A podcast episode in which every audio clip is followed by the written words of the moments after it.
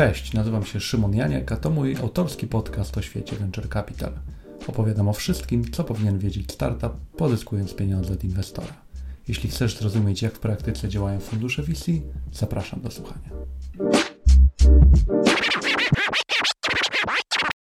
Cześć, witajcie. Nazywam się Szymon Janiak, jestem współzałożycielem i partnerem zarządzającym funduszu 303 VC, który na co dzień inwestuje w startupy na wczesnym etapie rozwoju.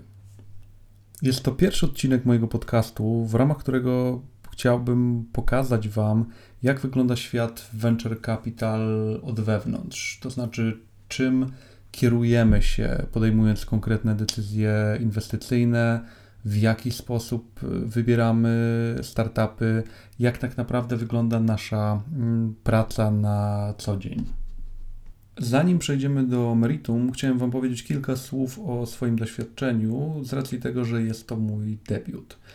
Ja z tak zwaną sceną startupową jestem związany od ponad dekady i miałem to szczęście, że oglądałem ją z bardzo różnych perspektyw. To znaczy, byłem współtwórcą startupu z zakresu internetu rzeczy, który specjalizował się w tworzeniu rozwiązań smart home'owych. Miałem okazję pracować w branży doradczej, gdzie wprowadziliśmy szereg spółek na New Connect. Mieliśmy doświadczenie z fuzjami, przejęciami, wycenami startupów. Z trzeciej strony zajmowałem się obsługą inwestycji, to znaczy spółki, które były już na ówczas w portfelu, potrzebowały wsparcia w bardzo różnych zakresach, czy to w e, zmianach związanych z modelem biznesowym, czy e, raportowaniem, czy strategią marketingową, a jeszcze w innym obszarze zajmowałem się po prostu PR-em i marketingiem startupów. Cała ta wiedza, którą zebrałem przez lata funkcjonowania w ekosystemie, bardzo pomaga mi przy prowadzeniu funduszu VC, zwłaszcza wspierając founderów w różnych ich decyzjach. Natomiast z drugiej strony staram się dzielić dosyć szeroko swoimi doświadczeniami, pisząc artykuły o startupach czy funduszach występując na różnego rodzaju eventach, będąc sędzią w różnego rodzaju konkursach, czy będąc przez lata wykładowcą na kilku uniwersytetach, dlatego że Uważam, że ta wiedza ma dosyć unikalny charakter. Sam zdobywałem ją z jednej strony popełniając szereg błędów, natomiast z drugiej strony uzyskiwałem ją dzięki ludziom, którzy zdecydowali się poświęcić mi trochę swojego cennego czasu i opowiedzieć mi o tym, jak dochodzili do pewnych rzeczy.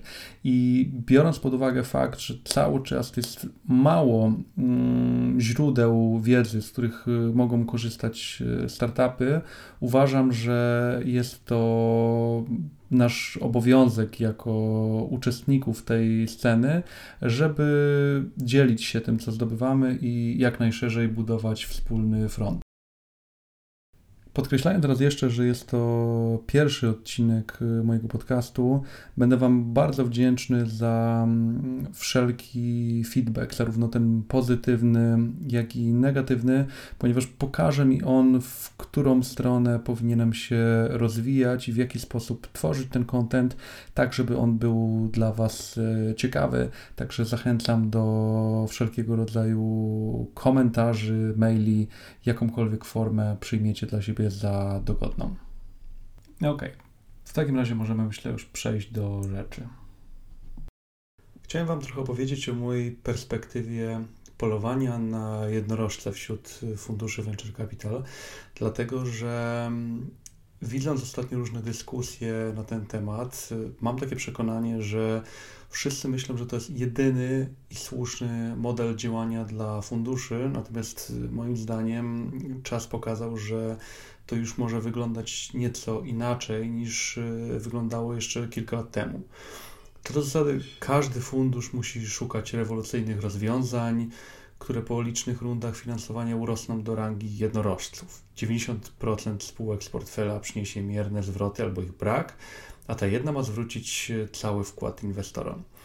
Ci, którzy tego nie robią, nie są prawdziwymi VC. Takie często stwierdzenie e, pokutuje. Ja oczywiście zgodziłbym się z tym, gdyby nie fakt, że nie jest już schyłek lat 90., a od tamtego czasu sporo się w tej branży zmieniło. Generalnie jest tak, że wiedza dotycząca mechanizmów funkcjonowania mm, rynku VC wciąż jest relatywnie mała.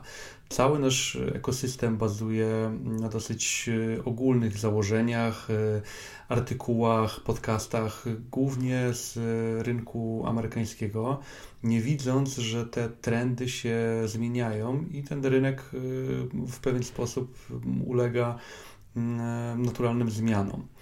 I o tyle jest to dla mnie zupełnie zrozumiałe w przypadku startupów, które nie muszą się tym przejmować, powinny się skupić na własnym rozwoju, na szukaniu y, drogi do y, wzrostu, na realizacji swojej misji. Jednak te pozostałe grupy, które funkcjonują w naszym ekosystemie, takie jak przede wszystkim fundusze venture capital, ale też różnego rodzaju doradcy czy mm, spółki, które przygotowują startupy do transakcji, no już nie powinny się wykazywać taką ignorancją, a jednak zdarza się to relatywnie często. Oczywiście trzeba tutaj powiedzieć, że polski rynek jest e, relatywnie młody, cały czas się profesjonalizuje. Co do zasady jest w fajnym momencie wzrostu i dużo ciekawych rzeczy się dzieje. Natomiast e, w mojej opinii to nie zwalnia tych wszystkich osób z obowiązku poszerzania wiedzy i e, cały czas uczenia się tego, jak to docelowo może wyglądać, co w ogóle powinno ulec zmianie. Z mojej perspektywy oczywistym jest, że startup może mieć różne strategie monetyzacji, co przekłada się na bardzo wiele aspektów jego funkcjonowania.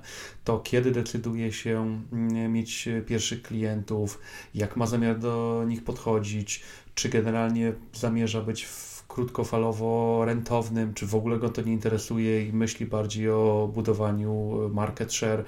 To jest y, bardzo indywidualne i zawsze powinna być to decyzja foundera. Natomiast mało kto widzi, że dokładnie to samo zjawisko zaczyna pojawiać się na e, rynku venture capital, a nawet jeśli widzi, e, to wywołuje to u niego pewne e, zdziwienie. Generalnie moje spojrzenie na to jest takie, że jest to pewna wypadkowa mm, fundamentalnych zmian, które zadziały się na przestrzeni ostatnich lat. Przede wszystkim kluczowe jest to, że większość funduszy nie zwraca zainwestowanego kapitału. Jest to piekielnie ważne w zrozumieniu tego procesu, kiedy uświadomić można sobie, że inwestorzy liczący na bardzo spektakularne zwroty, bo tak najczęściej jest im przedstawiana wizja danego funduszu, nie uzyskują nawet y, hurdle rate, czyli tej y, minimalnej y, stopy zwrotu, którą obiecuje im fundusz. Co więcej, E, jest tak, że fundusz na przykład e, poprzez różnego rodzaju mm, exity, niezależnie od tego, czy mm, e, to jest wykup menedżerski, czy jest to akwizycja, zarabia na przykład tylko połowę własnej kapitalizacji, czyli generalnie sumy, którą zebrał od inwestorów. Efekt jest taki, że te fundusze później najczęściej kończą na pierwszym wehikule i nie są e, w stanie zebrać drugiego, bo e, inwestorzy po raz e, drugi nie będą chcieli zaryzykować swojego kapitału. Druga kwestia z tym związana to to, że przeciętny IRR, czyli roczna stopa zwrotu w Europie, oscyluje w granicach 15%. Y, to nie jest już y, tak y, lukratywne, jak było to 20 czy 30 lat temu. A co ważne, to zwroty na poziomie y, trzykrotności kapitału przykładowo y, są w stanie generować tylko i wyłącznie y, najlepsze fundusze, więc jakby ta perspektywa finansowa pokazuje, że no, powinno tutaj się szukać jakichś modyfikacji. Druga kwestia E, to sama e, konkurencja, bo abstrahując od e, wysokości zwrotów, no jednak na mm, rynkach inwestycyjnych wielu powoduje, panuje wciąż boom, tak? Czyli jest dużo więcej pieniędzy niż było w przeszłości. Jest to związane z różnymi czynnikami makroekonomicznymi, natomiast nawet w Polsce jest tak, że obecnie przy mm, tym poziomie e, stóp e, e, procentowych, przy rosnącej inflacji, inwestorzy szukają nowych dla siebie form inwestycji i Część ekspertów uważa, że na polskim rynku jest obecnie nadpodaż kapitału inwestycyjnego. E, co skutkuje pewną trudnością w znalezieniu najfajniejszych startupów, które chciałoby się zainwestować. Bo oczywiście e, spektrum e, funduszy cały czas rośnie, rynek staje się bardziej innowacyjny. Natomiast tych najlepszych, tych najbardziej spektakularnych spółek, które liczą na mm, ogromne waluacje w przyszłości, nie jest już tak y, dużo, e, więc fundusze zaczynają coraz mocniej konkurować ze sobą i robią to na różne sposoby. Walczą o e, wskaźniki, pokazując właśnie IRR z przeszłości, czy po prostu track record tego, w co zainwestowali, jeśli jeszcze nie wyszli, nie wyszli z tych inwestycji. E, pokazują świetnych venture partnerów, których mają na pokładzie, czy bazując po prostu na tym, co zrobili do tej pory, przedstawiają e, swoich e, founderów i to ci founderzy są e, najlepszą rekomendacją dla kolejnych. W praktyce jednak czasem to jest wciąż za mało, więc myśląc o tym, w jaki sposób można wyjść z tego impasu, E, spółki e, zaczęły zmieniać e, pewne fundamenty inwestycyjne. I początkowo były to tradycyjne kryteria, którymi dosyć łatwo manewrować, tak jak zmiana sektorów i wejście w coś wyjątkowo niszowego, szukanie founderów, którzy mają tylko określone kwalifikacje, etap inwestowania, czyli to na jakim poziomie fundusz decyduje się wejść, czy jakie y, modele e, biznesowe w startupach są e, dla niego akceptowalne. E, natomiast to wciąż w pewnych aspektach była zbyt mała zmiana, więc zaczęła się generalna refleksja na temat fundamentów prowadzenia funduszu VC i tego, czy tutaj można wdrożyć y, inne modele y, działania. To, co jest y, zauważalne, to to, że zaczyna się zmieniać awersja do ryzyka.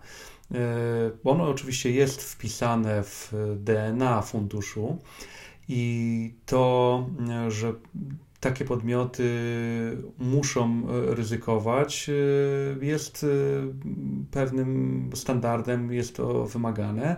Natomiast poziom tego ryzyka może się różnić, bo nie każdy musi szukać tych startupów, które są disruptive w swojej e, branży, e, czyli takich, które mm, mają wyjątkowo rewolucyjny e, model działania, bo zawsze było tak, że to ten jeden czy dwa startupy zwracały cały kapitał, który jest w funduszu E, a większość e, to były tak zwane write-offy e, bądź bardzo małe, wręcz marginalne zwroty, które w żaden sposób nie przykładały się na to, ile dany fundusz na tym zarobił. Więc zamiast podchodzić w taki sposób, zarządzający zaczęli się zastanawiać, czy można to zrobić inaczej, i zamiast polować na jednorożce, zaczęli zauważać wartość w takich spółkach, e, które być może nie staną się globalnym potentatem, ale w krótkim terminie mogą przynieść zwroty na poziomie 4 czy 5-krotności e, zainwestowanych pieniędzy. E, tutaj oczywiście zmienia się pewne podejście, to znaczy mm, taki startup z reguły musi mieć już trakcję, często na e, określonym poziomie musi być popyt na tego typu usługi, czyli wszystkie zmienne, które w pewien sposób mm, uwarunkowują jego działanie i pozwalają z dużą dozą prawdopodobieństwa stwierdzić, że on po prostu będzie zarabiał e, krótkoterminowo i albo e, będzie po prostu przynosił zwroty w postaci dywidend, albo ma potencjał do tego, żeby go w krótkim, na przykład 4 czy 5-letnim terminie sprzedać do większego gracza. I e, dla wielu takie inwestowanie na przykład miliona czy dwóch milionów złotych w spółkę, która jest e, na wczesnym etapie, jeszcze bez przychodów, warta 40, zaczęło być mniej atrakcyjne niż e, szukanie takich podmiotów, które jednak w krótszym terminie dają większą pewność tego zwrotu. To wszystko spowodowało, że zaczęły pojawiać się diametralne różnice w wycenach i automatycznie przełożyło się to też na cap table. E, tutaj wyobrażenie jest takie, że startupy to wielokrotne rundy, to kolejne fundusze, początkowo polskie, później zagraniczne E, to debiuty na e, międzynarodowych parkietach i nie trudno się domyślić, że rzeczywistość często pisze nieco inne scenariusze i część spółek y, już y, podczas wejścia pierwszego inwestora zakłada, że to jest y, ten poziom zewnętrznego kapitału, który chce zaakceptować. To znaczy, nie chce już więcej w przyszłości się rozwadniać i nie chce już lewarować się zewnętrznym kapitałem, bo wie, że to jest wystarczające do tego, żeby osiągnąć rentowność i przynosić takie zwroty, na jakie liczy. Jaki ma to wpływ? Taki, że ci founderzy, zarówno e, fundusze, nie muszą się już zastanawiać, czy ten parytet jest zgodny z obecnymi trendami, czy jest to zgodne z zaleceniami Y Combinator, czy jest tam przestrzeń dla kolejnego e, funduszu, jak kto to oceni, dlatego że w przyszłości będzie to po prostu indyferentne i nie ma to znaczenia, czy ten fundusz obejmie 20, 30 czy 60%. To jest indywidualna sprawa tych dwóch stron i to zależy od y, okoliczności y, danej transakcji. Więc jeśli przykładowo dany fundusz wykłada kapitał, twierdzi, co można zweryfikować na bazie wcześniejszego e, track recordu, że zaangażuje się mocno w tą spółkę, zmieniając w niej szereg rzeczy, które sprawi, że wniesie ją na zupełnie mm, inny poziom. I co ważne, ma też już na przykład relację zawiązaną z przedsiębiorstwem, które za te parę lat y, może dokonać akwizycji, a founder tego chce, to może w takiej spółce objąć nawet większość. Nie widzę ku temu przeciwwskazań. Nie wspominając już o fakcie, że w Polsce raczej nie mówi się o akwizycjach za pół miliarda złotych, tylko na tym etapie to są bardzo często akwizycje y, rzędu 10 czy 20 y, milionów złotych. Tutaj warto raz jeszcze podkreślić, że istotne jest to, co wnosi każda ze stron, a te ustalenia mają już charakter e, indywidualny.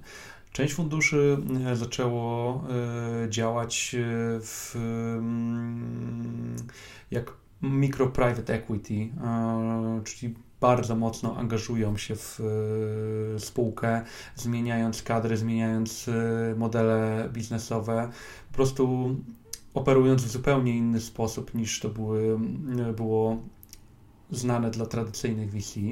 Inne zaczęły działać w modelach flexible, E, w ramach e, których e, cap table jest zależny od przychodów i zysków spółki. Nie wspominając już o fakcie, że ten ograniczony rynek ciekawych spółek, w które można zainwestować, sprawił, że fundusze coraz mocniej zaczęły reflektować nad venture buildingiem. To znaczy spotykają się z mnóstwem mm, ciekawych trendów. E, same tworzą modele biznesowe, same tworzą te założenia, które są potrzebne do generowania e, zysków, więc e, w praktyce szukają pracowników, szukają wynajętych menedżerów do tego, żeby realizowali przedstawioną im wizję. Więc tutaj pojawia się pytanie, czyja to de facto jest spółka i kto y, powinien tutaj posiadać w niej większość. Podsumowując, ciężko jest określić y, fundusz na bazie tego, jaką ma, jaki ma średni udział w poszczególnych spółkach, jeśli nie zna się jego strategii. Nie wiadomo, czy sam wymyślił daną spółkę i zrekrutował tylko menedżerów, czy umówił się w taki sposób, że to 80% przychodów, które widoczne są w sprawozdaniach, pochodzą właśnie od jego partnerów. A może to jest tak, że ma już gotowego kupca, który za 3-4 lata po osiągnięciu określonych e, KPI-ów odkupi tą e, spółkę przy konkretnej wycenie, a founder, który przykładowo do tej pory radził sobie przeciętnie i nie miał takiej wizji, jest z tego tytułu przeszczęśliwy. Więc jeśli jest się startupem i rozważa się współpracę z e, danym konkretnym funduszem e, i coś zaczyna niepokoić w zakresie strategii, e, czy to dotyczy procentów, czy samego po prostu modus operandi danego funduszu, to ja zachęcam do tego, żeby po prostu porozmawiać z przedstawicielami danego VC, posłuchać, jakie oni mają e, podejście do e, rzeczywistości i przede wszystkim ocenić, czy to jest droga, którą e, my potencjalnie jako reprezentanci startupu chcielibyśmy podążać. Jeśli się okaże, że tak, warto kontynuować rozmowy i zastanowić się, jak można wspólnie budować przyszłość. Jeśli jednak to nie jest coś e, interesującego, trzeba po prostu szukać dalej, bo e, tych funduszy jest e, obecnie nawet na polskim rynku sporo i naprawdę jest w czym wybierać.